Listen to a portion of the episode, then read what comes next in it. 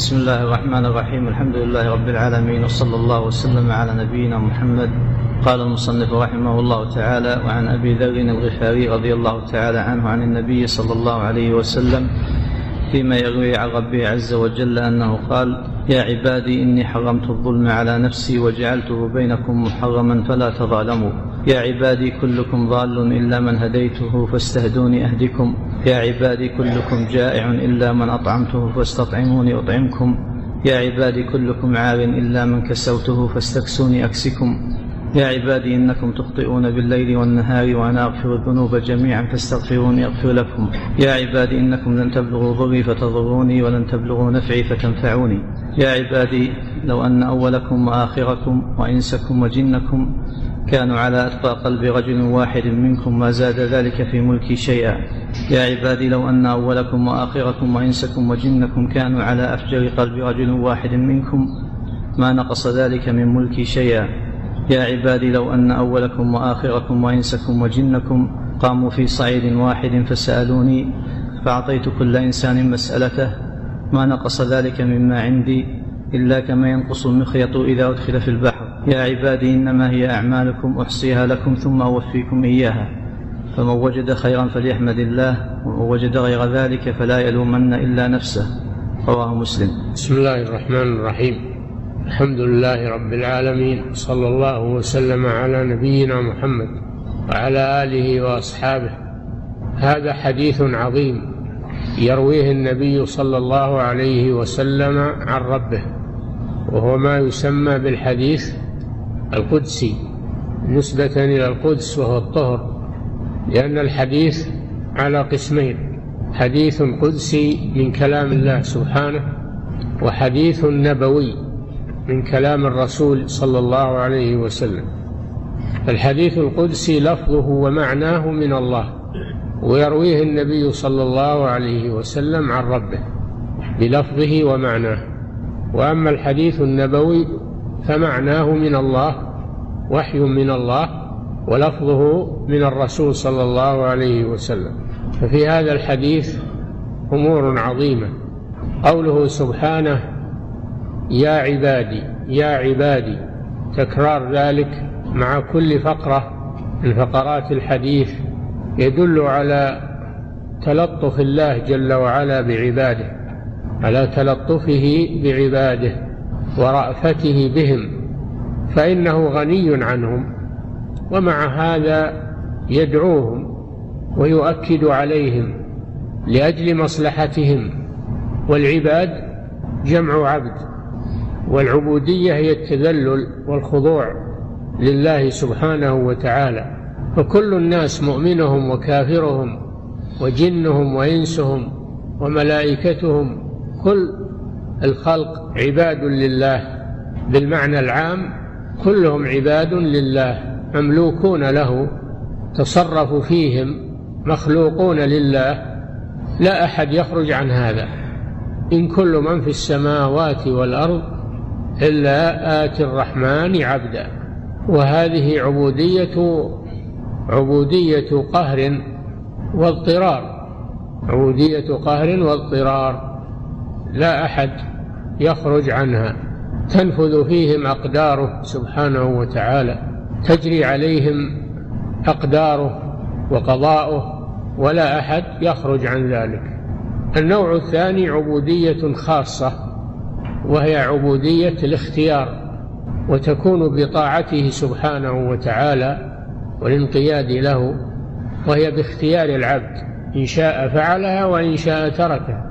أما الأولى ليست باختيار العبد هو عبد مهما كان. أما هذه فهي اختيارية وهي عبودية خاصة. قال سبحانه وتعالى إن عبادي ليس لك عليهم سلطان. إن عبادي المراد العبودية الخاصة وهم المؤمنون. ليس للشيطان عليهم سلطان لأن الله قد حماهم منه.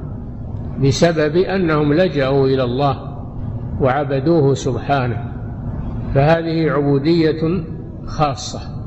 فالله يخاطب الجميع العباد العبودية العامة والعبودية الخاصة خاطبهم جميعا. فيقول يا عبادي بهذا النداء الإلهي إني حرمت الظلم على نفسي وجعلته بينكم محرما فلا تظالموا. الظلم في اللغة وضع الشيء في غير موضعه. هذا هو الظلم وضع الشيء في غير موضعه.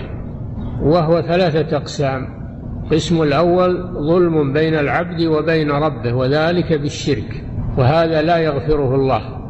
قال تعالى إن الشرك لظلم عظيم. الذين آمنوا ولم يلبسوا إيمانهم بظلم يعني بشرك. هذا لا يغفره الله إلا بالتوبة.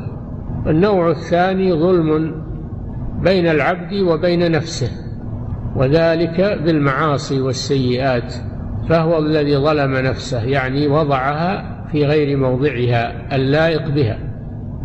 ظلم نفسه فيما دون الشرك وهذا يغفره الله سبحانه وتعالى لمن يشاء يغفره لمن يشاء. إن الله لا يغفر أن يشرك به ويغفر ما دون ذلك لمن يشاء. النوع الثالث ظلم بين الإنسان وبين الناس بالتعدي عليهم في أموالهم وأعراضهم ودمائهم وهذا لا يغفره الله إلا إذا سمح المظلومون. إذا سمح المظلومون غفره الله وإلا فلا بد من القصاص. لا بد أن يقتص للمظلوم من الظالم لا يترك الله منه شيئا لأنه حق مخلوق لا يسقط إلا بعفوه أو استيفائه. والظلم حرام حرمه الله على نفسه يعني منع نفسه منها. التحريم معناه المنع منع نفسه من الظلم لأنه لا يليق به سبحانه وتعالى. لا يليق به الظلم وهو أن يعذب أحدا بغير سبب منه أن يعذب أحدا بغير عمله لا يعذب أحدا إلا بما عمل وهذا العدل هذا هو العدل. أما لو عذبه على شيء لم يعمله فهذا ظلم والله منزه عنه سبحانه وتعالى. إني حرمت الظلم على نفسي. فهذا فيه تنزيه الله عن الظلم. وجعلته بينكم أي بين العباد محرما. حرم الله الظلم. فأخبر أنه يأخذ أصحابه الظالمين يأخذ الظالمين ويهلكهم. لا تحسبن الله غافلا عما يعمل الظالمون. فمهما ظلم الإنسان تمادى فإنه لا بد أن يواجه ويلاقي ظلمه عاجلا واجلا. وقد قال النبي صلى الله عليه وسلم لمعاذ رضي الله عنه اتق دعوة المظلوم فإنه ليس بينها وبين الله حجاب سواء كان المظلوم مسلما أو كافرا. لا يجوز الظلم ظلم أحد حتى الكفار لا يجوز ظلمهم. ولا يجرمنكم شنآن قوم على ألا تعدلوا. اعدلوا هو أقرب للتقوى. ودعاء المظلوم مستجاب ولو كان كافرا لأن الله سبحانه وتعالى لا يرضى بالظلم والتعدي. فلا تظالموا لا يظلم بعضكم بعضا. هذا تحذير من الله سبحانه وتعالى من ظلم العباد. قد حذر الله من الظلم في كتابه في آيات كثيرة وتوعد الظالمين وضرب لنا الأمثلة للظلمة الذين أخذهم الله عز وجل تحذيرا لنا من الظلم. ومن عادة الإنسان أنه ظلوم إلا من رحم الله إلا من رحم الله. إنه كان ظلوما جهولا. إلا من من الله عليه بالدين والإيمان فإنه يتطهر من هذه الخصلة. يا عبادي كلكم ضال إلا من هديته. استهدوني أهدكم كل العباد ضالون عن الحق. ضالون عن الحق. ضائعون عن الحق. إلا من هداه الله دله وأرشده إلى الحق وثبته. فلولا هداية الله لإرسال الرسل وإنزال الكتب ونصب الأدلة للناس لبقوا في ضلالهم ولكن الله من رحمته بهم هداهم دلهم وأرشدهم ووفقهم وثبتهم والهداية على قسمين هداية بمعنى البيان والإرشاد وهذه حاصلة لكل أحد فالله قد هدى الناس جميعا المؤمنين والكفار بمعنى أنه بين لهم وأرشدهم ودلهم على الصواب بإرسال الرسل وإنزال الكتب. فإما يأتينكم مني هدى فمن تبع هداي فلا خوف عليهم ولا هم يحزنون. وأما ثمود فهديناهم فاستحبوا العمى على الهدى. هديناهم يعني دللناهم على الإيمان وعلى طريق الصحيح لكنهم لم يقبلوا الهدى. استحبوا العمى على الهدى. هذه هداية عامة وأما الهداية الخاصة فهي هداية التوفيق هداية التوفيق والقبول وهذه لا ينالها إلا أهل الإيمان. هداية خاصة كلكم ضال إلا من هديته. هديته يعني وفقته للحق الهداية الخاصة. أما الهداية العامة فهي حاصلة لكل أحد. فاستهدوني أي اطلبوا مني اطلبوا مني الهداية لأن تقول اللهم اهدني اللهم دلني على الخير اللهم وفقني له اللهم ثبتني عليه. تكثر من الدعاء أن يهديك الله عز وجل. فاستهدوني أهدكم. هذا جواب الأمر أهدكم. فمن استهدى الله هداه الله عز وجل. من طلب الهدى من الله هداه الله جل وعلا. لأن الله قريب مجيب. فمن طلب منه الهداية بصدق وإقبال ورغبة هداه الله عز وجل لأن الله قريب مجيب سبحانه وتعالى. وقد وعد أن من استهداه فأنه يهديه وهو لا يخلف وعده سبحانه وتعالى فهذا مما يؤكد على العبد أن يكثر من سؤال الله الهداية. يا عبادي كلكم جائع إلا من أطعمته. الرزق من الله جل وعلا هو الرزاق. الرزق من عنده ولولا رزقه لجاع الناس وجاعت المخلوقات ولكن الله يقوم برزقها وإيصال الرزق إليها تفضلا منه سبحانه وتعالى. فالرزق ليس بحولنا ولا قوتنا وإنما هو تفضل من الله لكن نحن نعمل الأسباب. نحن نعمل الأسباب لطلب الرزق والنتائج بيد الله سبحانه وتعالى. يا عبادي كلكم عار عار من الثياب التي يستر بها عورته ويستدفئ بها ويتجمل بها. هذه من الله جل وعلا. يا بني آدم قد أنزلنا عليكم لباسا يواري سوآتكم وريشا.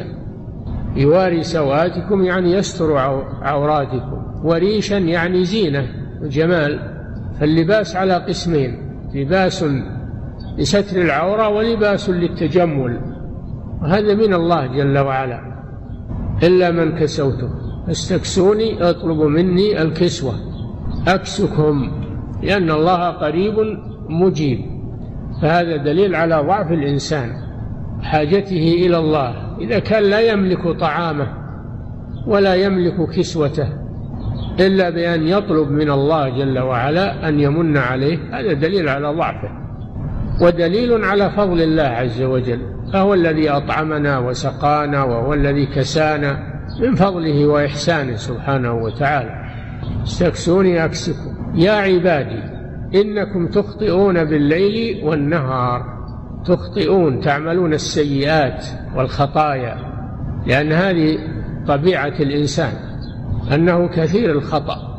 قال صلى الله عليه وسلم كل ابن آدم خطاء وخير الخطائين التوابون تخطئون بالليل والنهار خطايا كثيرة.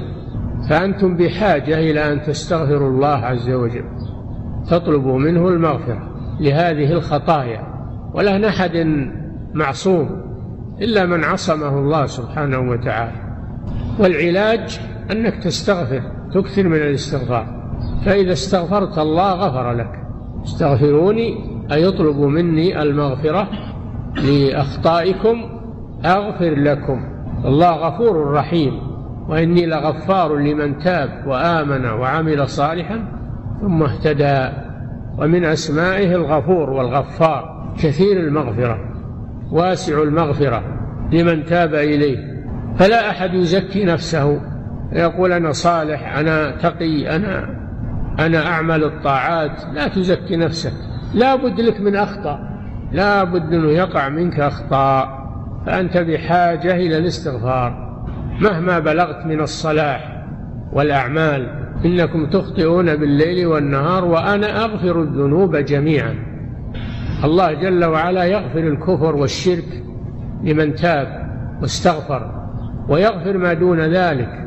الذنوب جميعا. قل يا عبادي الذين أسرفوا على أنفسهم لا تقنطوا من رحمة الله. إن الله يغفر الذنوب جميعا. إنه هو الغفور الرحيم. فليس هناك ذنب يخرج عن مغفرة الله أبدا.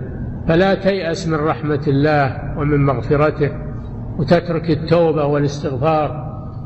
لا تقل إن هذا الذنب لا يغفر. أو يسول لك الشيطان بل بادر بالاستغفار صادقا والله غفور رحيم.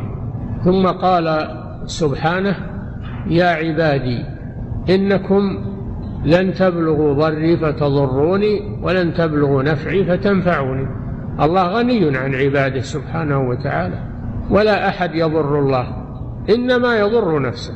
فمن كفر وأشرك وعصى الله فإنه لا يضر الله جل وعلا وإنما يضر نفسه.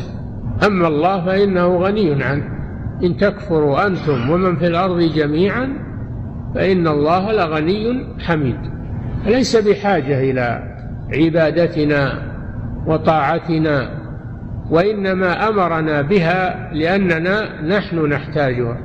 فضلا منه سبحانه وتعالى لن تبلغوا ضري أو ضري فتضروني. ولن تبلغوا نفعي. مهما أطعت فعلت الطاعات والحسنات فإنك لا تنفع الله بها وإنما تنفع نفسك. أنت الذي بحاجة إليها. ولن تبلغوا نفعي فتنفعوني. فالله لا يتضرر بالمعاصي ولا ينتفع بالطاعات لأنه غني عن ذلك وإنما هذا يرجع إلى العبد. طاعته له ومعصيته عليه. فالله هو النافع الضار. الله هو النافع الضار سبحانه وتعالى. يا عبادي لو أن أولكم وآخركم أول الخليقة وآخر الخليقة إلى أن تقوم الساعة. لو أن أولكم وآخركم وإنسكم وهم بنو آدم وجنكم وهم العالم الثاني الجن عالم لا يعلمهم إلا الله لا نراهم. ولذلك سموا بالجن من الاجتنان وهو الاختفاء. إنه يراكم هو وقبيله من حيث لا ترونهم. فهم يعيشون معنا ومنهم مؤمن وكافر ومنهم مطيع وعاص ومنهم بر وشقي مثل بني آدم. عالم من عالم الغيب لا نراهم. وهم موجودون. ويعيشون معنا. لو أن أولكم وآخركم وإنسكم وجنكم كانوا على أتقى قلب رجل واحد منكم. لو كانوا كلهم صالحين بررة لا يقع منهم خطأ. ما زاد ذلك في ملكي شيئا. لأنه كما سبق أن الله جل وعلا لا تنفعه طاعة المطيع لأنه غني عن ذلك. على أتقى قلب رجل واحد منكم ما زاد ذلك في ملكي شيئا. فملك الله تام ولا تزيده طاعة الطائعين. ولو أن أولكم وآخركم وإنسكم وجنكم كانوا على أفجر قلب رجل واحد منكم. لو كفر الناس جميعا فإن ملك الله تام ولا ينقص بسبب كفر المخلوقين. إنهم لن يضروا الله شيئا.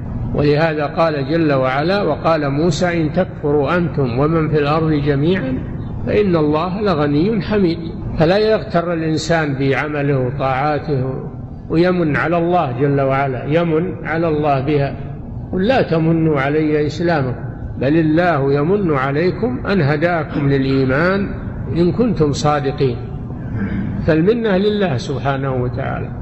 يا عبادي لو أن أولكم وآخركم وإنسكم وجنكم قاموا في صعيد واحد الصعيد ما تصاعد على وجه الأرض في صعيد واحد يعني في في مكان في مكان واحد اجتمع الخلق كلهم جنهم وإنسهم أولهم وآخرهم وكل واحد سأل الله حاجته فأعطيت كل واحد أو كل إنسان مسألته. ما نقص ذلك مما عندي.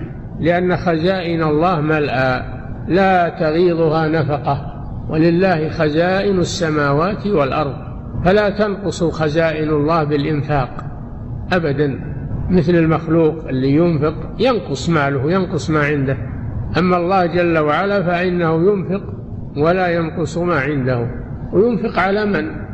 ينفق على جميع الخلق. ينفق على جميع الخلق. ولا ينقص ذلك من خزائنه شيئا لأنه غني سبحانه وتعالى. الغنى المطلق أعطيت كل إنسان مسألته. على كثرة السائلين الإنس والجن والأولين والآخرين وكل واحد له مسألة خاصة أعطاه الله مسألته فإن هذا لا ينقص من خزائن الله سبحانه وتعالى. هذا يدل على غناه سبحانه وتعالى وعلى كرمه وجوده سبحانه وتعالى. فكل المخلوقات تتعيش من رزق الله عز وجل ولا نقص ما عنده سبحانه وتعالى. لو أن أولكم وآخركم وإنسكم وجنكم قاموا في صعيد أي في مكان واحد فسألوني طلبوا من الله حوائجهم المختلفة فأعطى كل إنسان مسألته. لم يؤثر ذلك على ما عند الله من نقص. هذا يدل على كمال غناه سبحانه وتعالى. ثم قال في ختام هذه الكلمات العظيمة يا عبادي إنما هي أعمالكم أحصيها لكم ثم أوفيكم إياها. أي ليس لكم إلا أعمالكم. ليس لكم إلا أعمالكم. إنما هي أعمالكم. التي تعملونها من خير أو شر. فالله جل وعلا لا يعذب أحدا على غير عمله أبدا. ولا ينعم أحدا بغير عمله. لا ينعم الله الكافر ويعذب المؤمن. هذا لا يليق به سبحانه بل يضع الأمور في مواضعها. يعذب الكافر وينعم المؤمن. فضلا منه وإحسانا وعدلا وكرما منه سبحانه وتعالى. إنما هي أعمالكم. فهذا الدليل على أن الجزاء إنما يكون على العمل لا بالنسب ولا بالجاه ولا بالحسب. إن أكرمكم عند الله أتقاكم. فليس هناك مجال تنال به رحمة الله إلا العمل الذي تعمله. ولا تعذب إلا على عملك ولا تجزون إلا بما كنتم تعملون. فعليك أن تهتم بعملك. عليك أن تهتم بعملك. لأنه هو مناط سعادتك أو شقاوتك. إنما هي أعمالكم. أحصيها لكم. هذا من فضله سبحانه. أنه يحصي الأعمال يعلمها جل وعلا ويكتبها بواسطة الحفظة. الملائكة الذين يكتبون أعمال بني آدم رحمة منه سبحانه.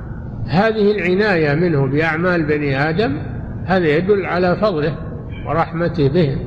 وإلا فهو ليس بحاجة إلى أعمالهم إنما هم المحتاجون ومع هذا فالله يحصيها ولا يضيعها. إنا لا نضيع أجر من أحسن عملا ولا نضيع أجر المحسنين. وما كان الله ليضيع إيمانكم. فهو سبحانه يعلم أعمال بني آدم لا تخفى عليه. ومع هذا يكتبها. وكل ملائكة حفظة يكتبون أعمال بني آدم خيرها وشرها. ثم يوم القيامة يعطون صحائفهم التي فيها أعمالهم ويحاسبون أنفسهم. أحصيها لكم. فهذا يدل على أن الإنسان ليس بمهمل. يسرح ويمرح ويفسق ويكفر. ويطغى ويتجبر ويظن أنه مهمل لا. هذا كله مسجل عليك. أيضا لا تظن أن حسناتك تضيع. اعمل. ولا يهمك أنها تضيع أو أنك ما تلقاها أبدا. اعمل. وهي محفوظة لك. محفوظة لك. لا تخف عليها أبدا. إن الله لا يظلم مثقال ذرة. وإن تك حسنة يضاعفها. ويؤتي من لدنه أجرا عظيما. ثم أوفيكم إياها متى؟ يوم القيامة. ثم هذا للمستقبل. أوفيكم إياها. كل إنسان يجازى على عمله خيرا أو شرا ويوفى عمله لا يضيع منه شيء. ووضع الكتاب فترى المجرمين مشفقين مما فيه. ويقولون يا ويلتنا ما لهذا الكتاب؟ كتاب الملائكة التي حفظه. لا يغادر صغيرة ولا كبيرة إلا أحصاها ووجدوا ما عملوا حاضرا ولا يظلم ربك أحدا. أحصاه الله ونسوه. أن تنساه ولا كأنك فعلت شيء لكن هو مدون عليك وستواجهه يوم القيامة. فتنبه لنفسك تنبه لهذا. لا تغامر لا تخاطر بنفسك. لا تظن إنك مغفول عنك. لا تظن إنك ما أحد يتمكن منك. ابدا أنت تحت نظر الله سبحانه وتعالى. لا تخفى عليه. وأنت مراقب عن اليمين وعن الشمال. ما يلفظ من قول إلا لديه رقيب عتيد عن اليمين وعن الشمال. إذا تلقى المتلقيان عن اليمين وعن الشمال قعيد. قعيد لك مجالس لك. أنت ما تشوفه. من الملائكة. الليل والنهار. تعاقبون فيكم ملائكة بالليل وملائكة بالنهار. يحصون عليكم أعمالكم. ثم أوفيكم إياها يوم القيامة. فمن وجد خيرا وجد خيرا جزاء حسنا فليحمد الله. ولا يقول هذا من من كسبي أو أنا حصلت هذا بل يحمد الله جل وعلا لأن الفضل من الله وعملك ما يساوي شيء. لو أجهدت نفسك الليل والنهار ما يقابل نعم الله عليك ولكن الله يتفضل يتفضل عليك ويضاعف لك الحسنات فضلا منه سبحانه وتعالى. فلا تقل هذا عملي وهذا أنا أو أنا أستحق هذا بل عليك أن تحمد الله لأنه فضل من الله سبحانه وتعالى. من وجد خيرا فليحمد الله ومن وجد غير ذلك يعني غير الخير فلا يلومن إلا نفسه لأنه بسببه وعمله. فعليك أن تلوم نفسك. هذا ما قدمته لنفسك. فلا تلوم أحدا أو تقول هذا ظلم. أو أنا لم لم أعمل هذا أو لا أستحق هذا هذا جزاء عملك وتواجه عملك دقيقه وجليله وتقرأه تقرأه كاملا ولا تنكر منه شيئا. اقرأ كتابك كفى بنفسك اليوم عليك حسيبا. فعليك أن تعمل أن تعرف هذا وأن تستعد له هذا حديث عظيم حديث جليل القدر كان السلف يعظمونه ويخافون منه إذا قرأوه لأنه حديث عظيم دقيق المعاني والتعبير واضح لا يحتاج إلى تعب في في فهمه كل يفهمه العام والمتعلم كل يفهم هذا الحديث. واضح المعاني. وهو حجة من الله على عباده. نسأل الله سبحانه وتعالى أن يوفقنا وإياكم لصالح القول والعمل. صلى الله وسلم على نبينا محمد وعلى آله محمد